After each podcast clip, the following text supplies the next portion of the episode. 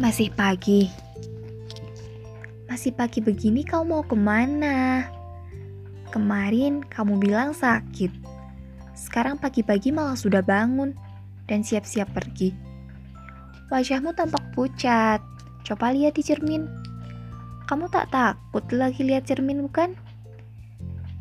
Cermin tidak pernah bermaksud menakut-nakuti. Sekedar memberitahu bahwa kita sudah sampai di ruas tertentu. Ya, ketika galur-galur di wajah kita tampak tambah tegas. Apa kamu bilang? Tanda sudah tua? Tentu saja. Tapi apa hubungannya dengan makan? Siapa yang berhenti? Maksudku, siapa yang menyuruhmu berhenti lekas-lekas? Dan sekarang kamu malah mau pergi. Ini kan masih pagi. Benar, katamu cermin semakin menyakitkan. Suka cerewet dan memberitahu kita macam-macam yang sebenarnya tidak kita pahami benar.